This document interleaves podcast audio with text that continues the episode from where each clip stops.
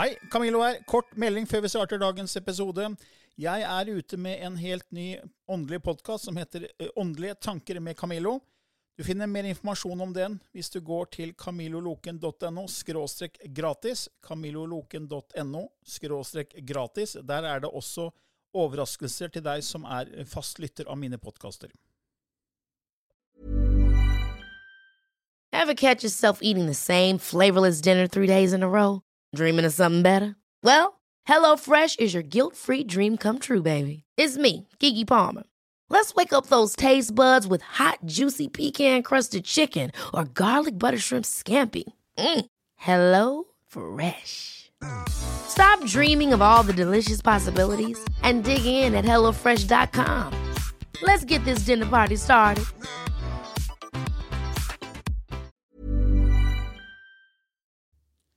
I denne podkasten belyser vi temaer innenfor den ikke-fysiske åndelige verden og hva vitenskapen eventuelt sier om dette. Mye av innholdet er basert på vår erfaring gjennom mange år og på informasjon fra ulike kilder. Vi deler her med deg vår sannhet, som kanskje ikke er en universal sannhet. Noen av podkastene inkluderer også gjester som deler med seg sin opplevelse av hva som er sant og riktig innenfor disse temaene, noe som nødvendigvis kanskje ikke alltid stemmer med vår egen sannhet. Mer informasjon om vår podkast finner du på andogvitenskap.no. Takk for at du lytter til vår podkast.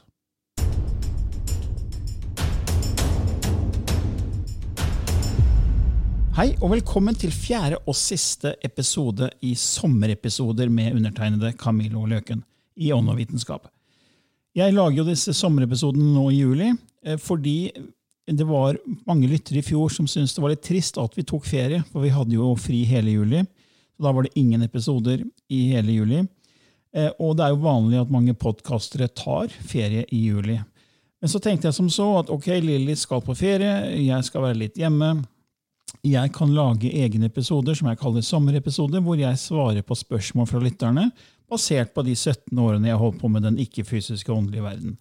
Så det bestemte jeg meg for å gjøre, og har nå gjort. Jeg har laget tre episoder så langt, og i dag er det den fjerde og siste episoden.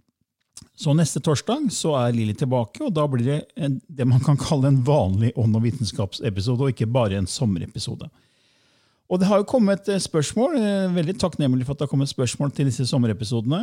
Og Her har vi et spørsmål fra Miriam som spør om jeg lurer på om det finnes vitenskapelig forskning på dette med starseeds, eller om dette er noe som ikke kan bevises.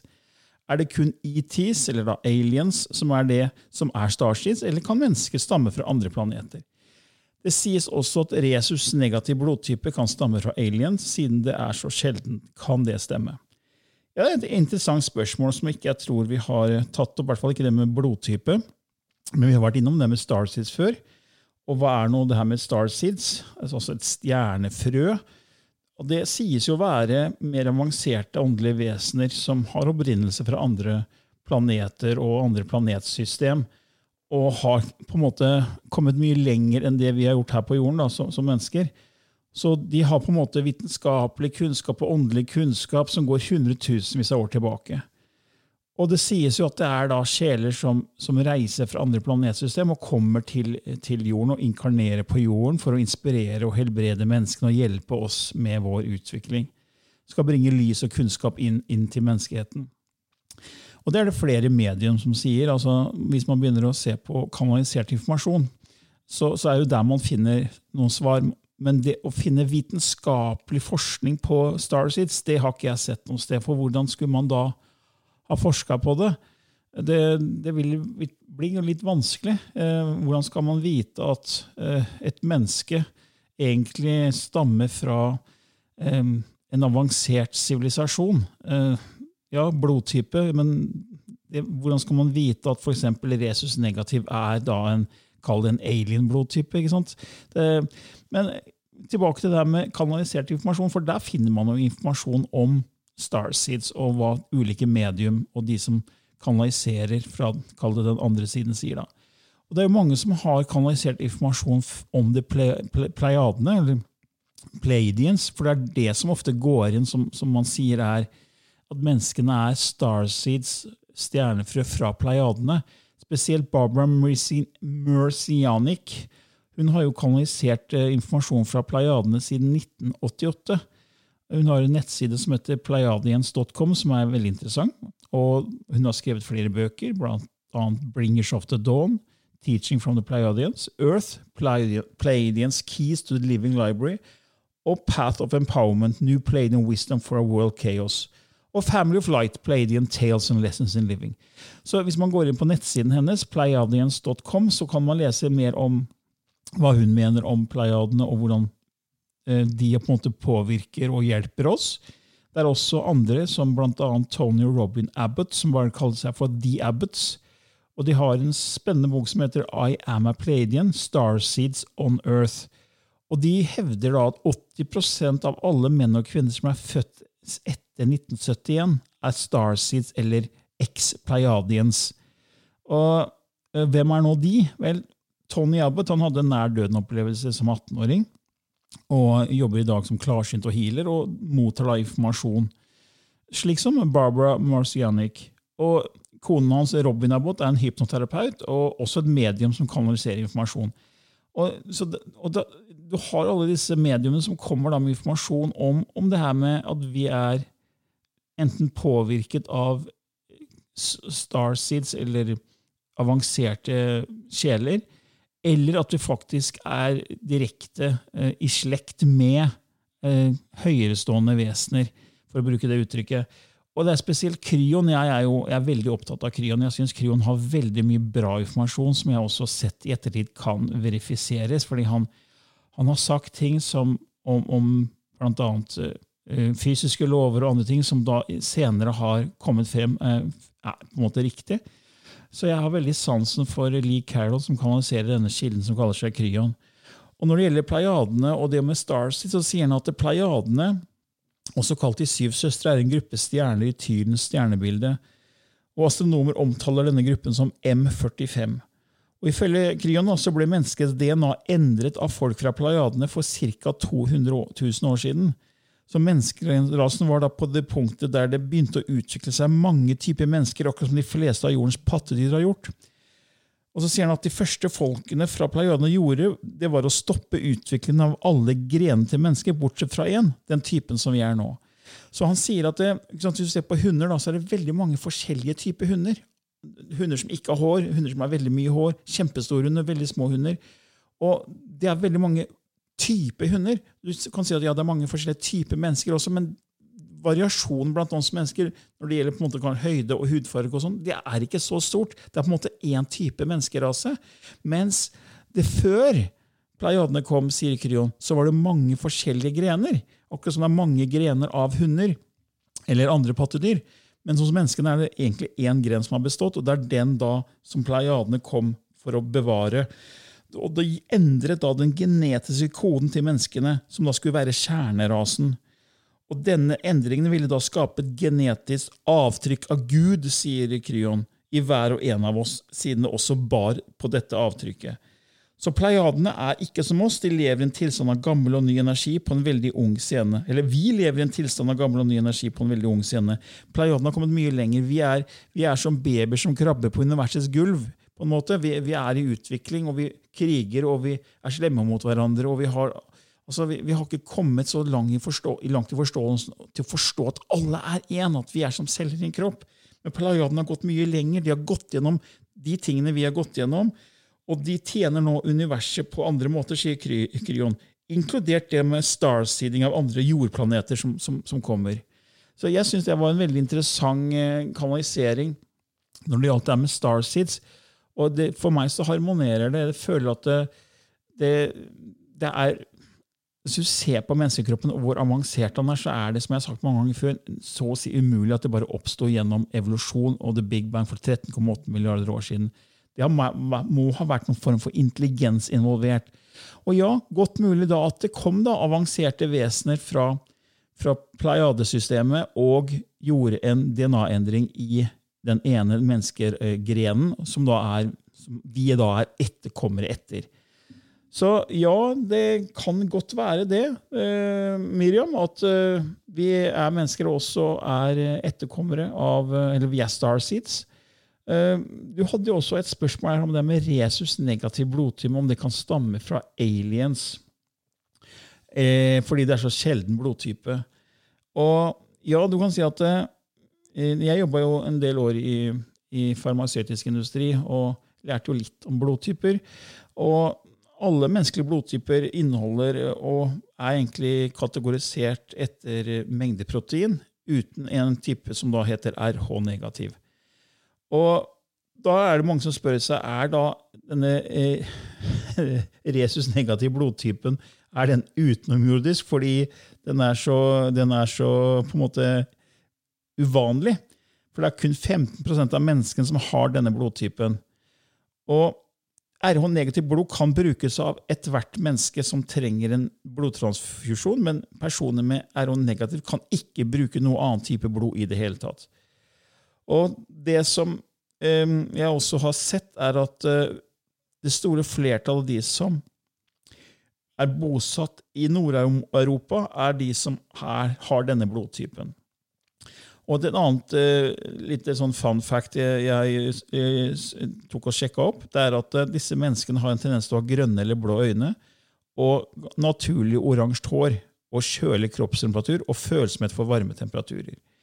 Uh, dette er noe jeg kom over som en kanalisert informasjon, og det er ikke noe vitenskapelig i det. Men dette med 15% av menneskene på jorda som har RH-negativ blod, altså eh, resus-negativ blodtype, det stemmer. Det, det, det, kan man finne kilder på. Så det er en sjelden blodtype, men betyr det at det er en alien-blodtype? Hvis man ser det fra et vitenskapelig ståsted, så er det en, egentlig en vanlig egenskap som andre ikke har. Det er ikke noen andre forskjeller eller merkeligere enn at noen har eh, forskjellige øye- eller hårfarger. Noen har jo blå øyne, noen har veldig mørke øyne, noen har grønne øyne, noen har til og med én farge i hvert øye. Så det er ikke noe annerledes med at noen har en annen type blod. Så disse forskjellene som vi mennesker har, kommer jo fra vårt DNA. Og det er jo på, DNA er jo instruksboka som gjør oss den, til den vi er. Det er den som styrer hårfarge og øyefarge og blodtypen og alt annet. Så vi har forskjellige utseende og egenskaper og sånn av DNA. Og når vi ser på, da, på de som har RH-negativ blod kontra RH-positiv blod, så er forskjellen egentlig kan, kan jo spores tilbake til DNA. Så det er egentlig ikke noe sånn rart at noen har en blodtype som mange andre ikke har. For noen er jo også øh, uh, ha, har visse trekk, mennesketrekk som andre ikke har. Men det betyr ikke at de er aliens for det. Så jeg, jeg tror ikke det, da, at det i seg selv kanskje sies at de som går rundt med RH-negativt blod, er aliens uh, og kommer fra andre planetsystem. Altså, Jeg vet jo ikke. Jeg bare, jeg bare tenker at vi alle er egentlig starseeds. Jeg tror vi alle er etterkommere, så alle er egentlig aliens. Og til syvende og sist er jo alle én. Så det er bare den ene som erfarer seg selv, som jeg snakka mye om. Men eh, det var litt drodling rundt det her med Starseeds og, og, og blodtype. Håper det var greit eh, innspill til deg der, eller svar til deg der, Miriam. Eh, det er jo flere spørsmål her, og det er et spørsmål her fra Skal vi se, her har vi fra um, Mette, som sier takk for flott og lærerik podkast. Jeg har hørt på alle episodene, og dere snakker ofte om kilden. Den ene som er alt som er. Hvordan kan kilden som har veldig høy frekvens, klare å erfare seg selv gjennom menneskekropper her på jorda, som dere sier har veldig lav frekvens? Blir ikke det vanskelig?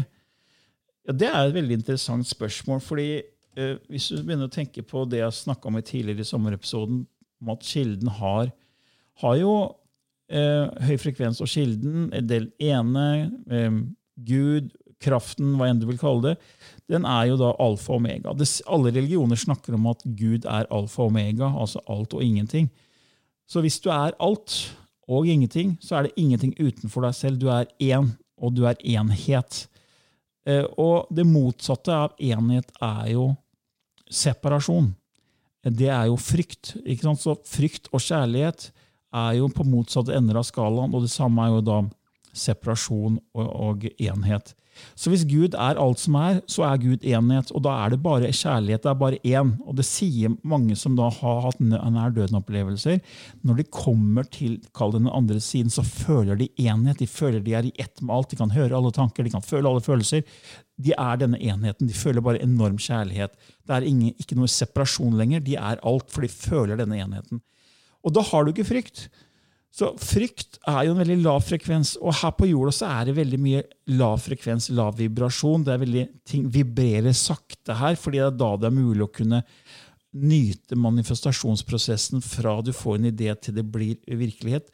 Ting må gå sakte her, så det er tung energi. Det er liksom å gå litt i gjørme. Det er lav frekvens, mye, mye smerte, mye lidelse. Mange mennesker som, som, på en måte har veldig sterke egoer, som ikke forstår at alle er én.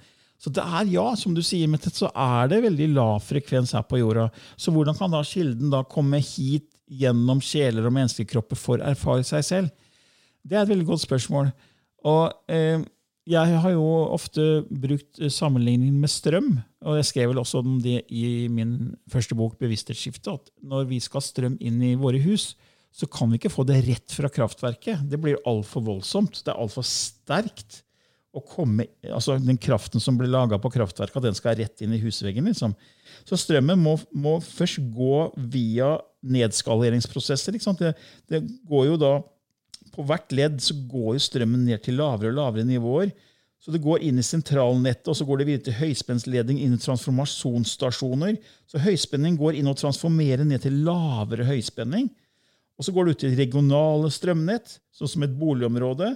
Og der vil spenningen transformeres enda mer ned, til det slutt er såpass lavt at det er forsvarlig å sende det inn i husveggen og inn i leiligheter til folk.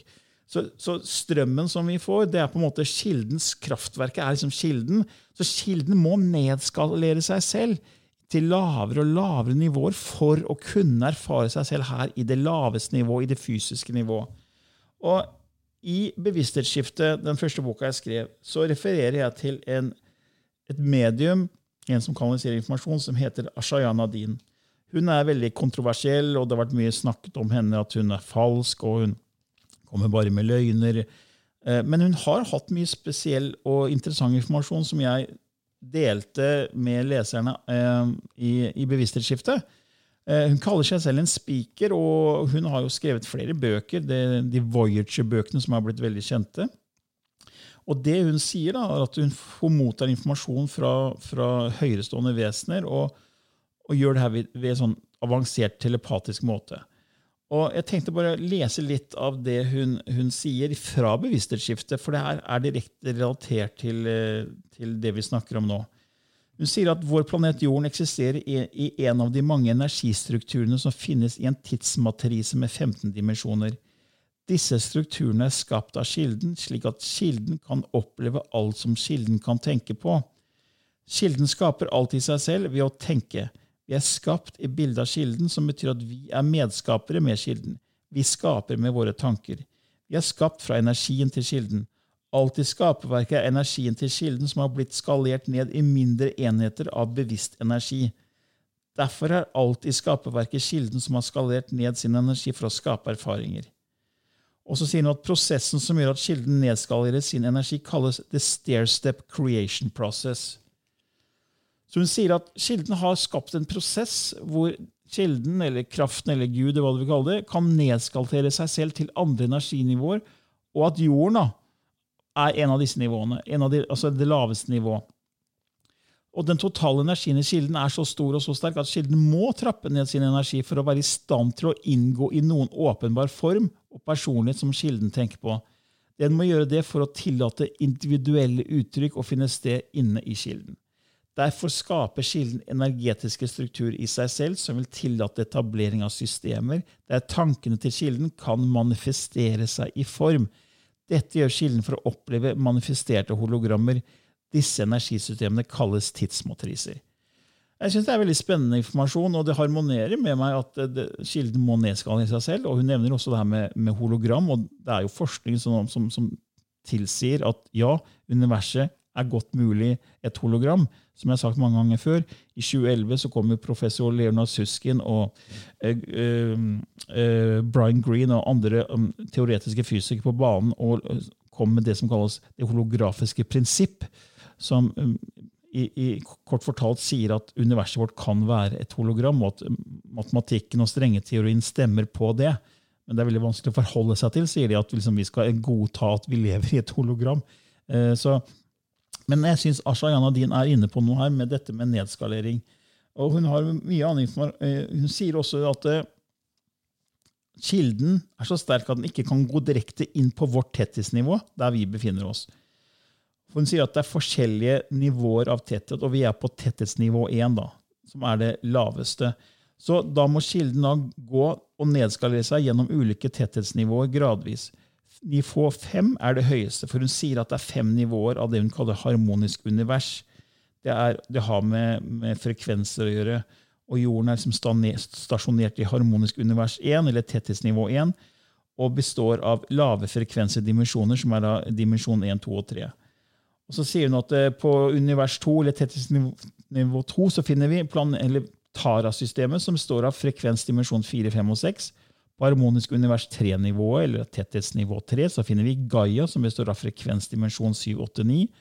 På harmonisk univers 4, eller tetthetsnivå 4, finner vi Aramatena, som består av frekvensdimensjon 10, 11 og 12. Og på harmonisk univers 5 eller tetthetsnivå 5 finner vi de primære lys- og lydfeltene som består av frekvensdimensjon 13, 14 og 15. Og Dette er dette 15 dimensjonssystemet du snakker om. Og så sier han at Jorda er da på det laveste nivå med tetthetsnivå 1. Så Kilden må gå fra det da høyeste, som er lys- og lydfelt med veldig høye frekvenser, og gå gjennom en nedskalering gjennom til nivå 4, 3, 2, 1. For det er først i våre lavere dimensjoner at kilden klarer å manifestere seg som komprimert materie. Og Det har jeg jo snakka om før, at uh, ting går sakte her. Det vibrerer sakte. Hvis du tar en bordvifte og setter i gang den, så den bare sveiver rundt sakte, men sikkert, så ser du bladene på denne bordvifta. Men hvis du øker hastigheten, så forsvinner jo på en måte bladene. Du ser dem ikke lenger. De er der, men du klarer ikke å se dem med det blotte øyet. Og Det er litt samme prinsippet her. Alle disse høyfrekvente, harmoniske universene som hun snakker om, som er liksom på høyere nivå enn oss, de, de, er der hele tiden, men vi klarer ikke å se dem og fange dem opp med vår teknologi, med våre øyne, med våre instrumenter. Men de er der og der kilden erfarer seg selv på andre høyere nivåer enn vårt eget. Så vi er liksom i det tetteste nivået. Lav energi, lav frekvens. Derfor tar det lang tid å manifestere noe, for det er her ting kan virkelig erfares i det fysiske. Og da må kilden gå langt ned i frekvens og ned i vibrasjon for å komme hit og erfare seg selv. Og det som er litt interessant, da, er jo at da kan jo egentlig kilden glemme seg helt bort fordi du kommer ned i mørket. Akkurat som du går langt ned i mørket i havet. Du er oppe på overflaten, og det er lyst og fint. Og så begynner du å svømme nedover i havet. Det blir tyngre og tyngre og mørkere og mørkere. Og når du kommer helt til bunnen, så er du liksom her på jorda, på en måte. Da. Og da er det mørkt og tungt. Og da kan du glemme at du egentlig kommer fra overflaten og er et uh, høyerestående vesen, at du er kilden. Og Det er derfor jeg tror også det er litt av poenget, at man, hvis man visste man var kilden hele tiden, så ville ikke noen skape frykt og det smerte og lidelse som er en del av hele opplegget. Så vi må på en måte glemme, men så er vi gjennom en prosess hvor vi skal huske, etter at vi har lært, ikke lært, men erfart disse erfaringene i smerte og lidelse, for det er de som skal med på til syvende og sist å forstå at alt handler om kjærlighet.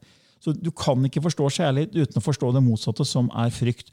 Du kan ikke forstå enhet uten å forstå det motsatte, som er separasjon. Så Vi må liksom dessverre gjennom disse fasene. så Vi må ned til havets bunn og være i mørket der. Vi må være der nede og liksom føle på den, der, den separasjonen, den smerten, det, det tunge. Og så Når vi begynner å forstå at det er en del av opplegget, og vi begynner å våkne, så kan vi bare stige oppover. og Da har du ascension-prosessen. ikke sant? Det er akkurat som du da får, får, får en svær luftballong som, som, som, du bare tar tak i. og Så begynner du å stige opp fra havets bunn til høyere og høyere nivåer. Du ser mer og mer lys, og du kommer da helt opp til overflaten. Og så er du på en måte fri fra alt det mørke. da. Og Det er jo akkurat sånn mennesker med nær døden-opplevelse snakker om. De sier at de blir helt fri. De, var, de ble fri fra alt drama, fra alt det tunge, fra alt det negative, fra alt separasjon, fra all frykt. De gikk ut av denne tunge tilværelsen over den andre siden, og der følte de enhet, der følte de kjærlighet. Så det er en del av hele dette Jeg kaller det jo et skuespill, som jeg har sagt mange ganger før. Vi er en del av, vi er kilden, vi er kraften som er med på et gigantisk avansert skuespill som går i, i milliarder av år, i mange sykluser, men det er til syvende og sist den ene som bare erfarer seg selv.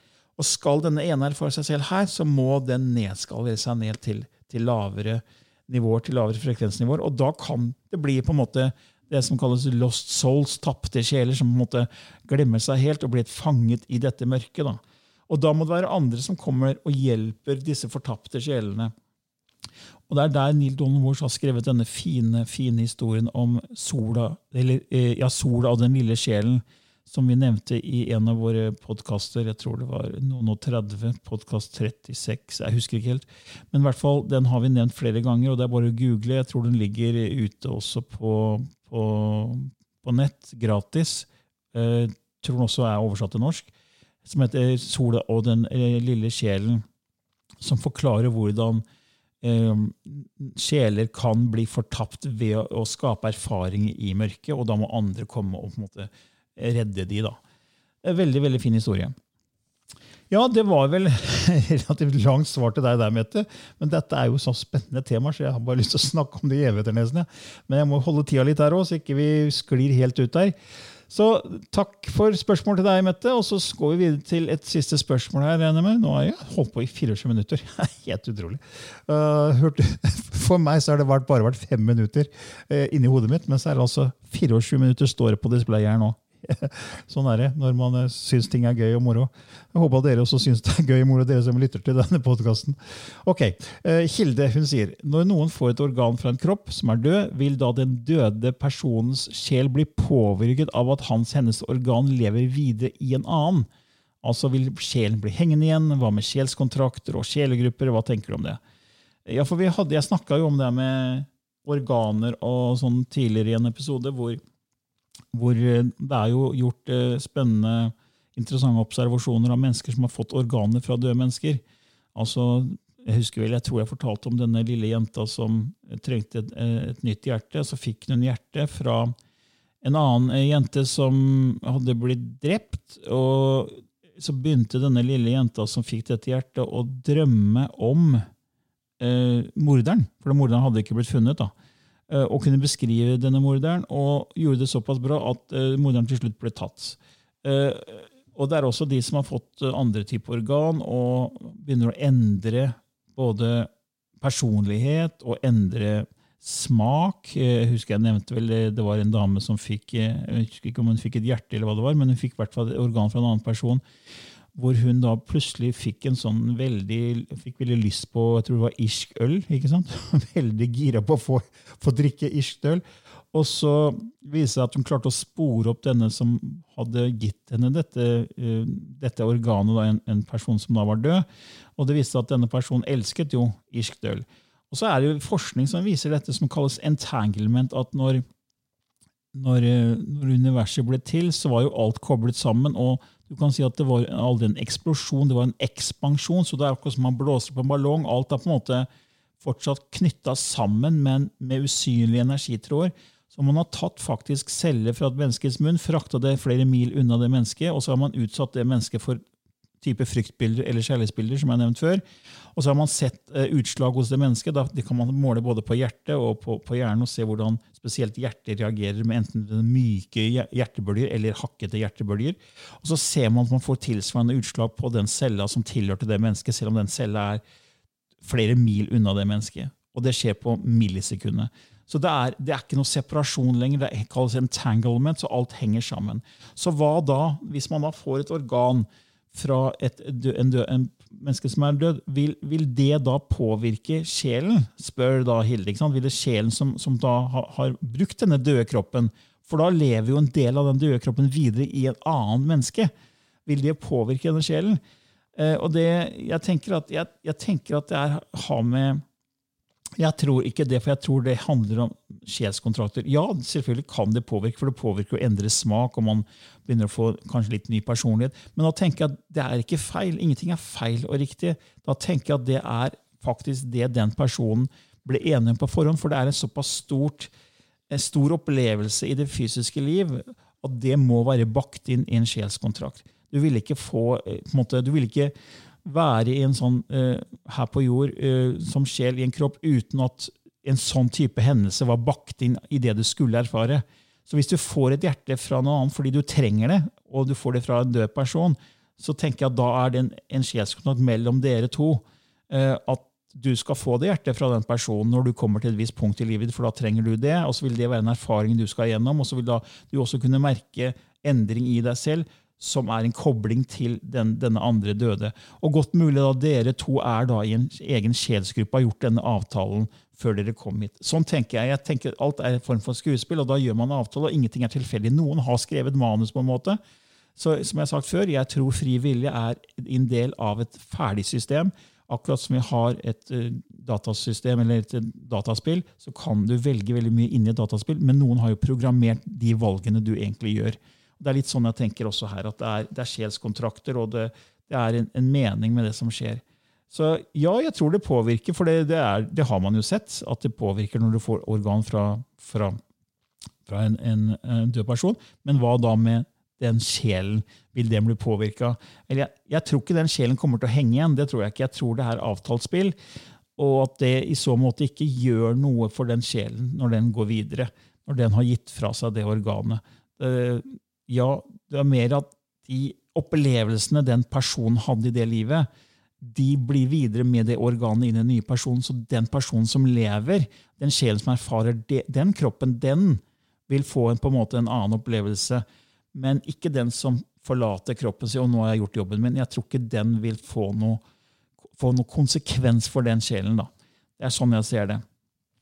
Så, men det er spennende spørsmål. Eh, veldig fint at eh, folk lurer og undrer, for da, har jeg noe å, å, drive med her i ånd og vitenskap. Så ja, jeg håper det var også et greit eh, svar til deg der, Hilde.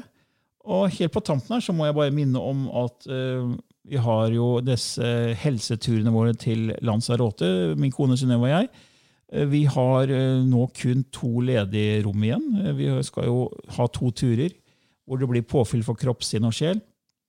Og det er uh, uke fem og uke seks i, neste år, altså slutten av uh, januar og begynnelsen av februar. Og nå er uh, alle rom utsolgt i uke seks, altså begynnelsen av februar. Og så har vi to ledige rom i siste uke i januar. Så hvis det kunne være noe du kunne tenke deg å være med på, få litt påfyll for kropp, sinn og sjel, og ikke minst deilig klima, stabilt klima eh, midt på vinteren, så kan du gå inn på annovitenskap.no skråstrek Lanzarote, og da Lanzarote med Z, Lanzarote, og lese mer om de, disse turene der. Det var lille avsluttende reklame for, for, for, meg her og nå. Og nå sier jeg takk for meg og disse sommerepisodene. Det har vært veldig gøy å lage de. Håper du har hatt glede av å høre på disse fire episodene.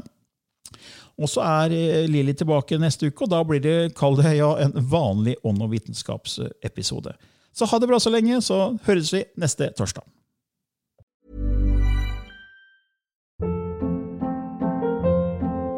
Hold up. What was that? Boring. No flavor. That was as bad as those leftovers you ate all week. Kiki Palmer here, and it's time to say hello to something fresh and guilt-free. Hello Fresh. Jazz up dinner with pecan-crusted chicken or garlic butter shrimp scampi. Now that's music to my mouth. Hello Fresh. Let's get this dinner party started. Discover all the delicious possibilities at hellofresh.com.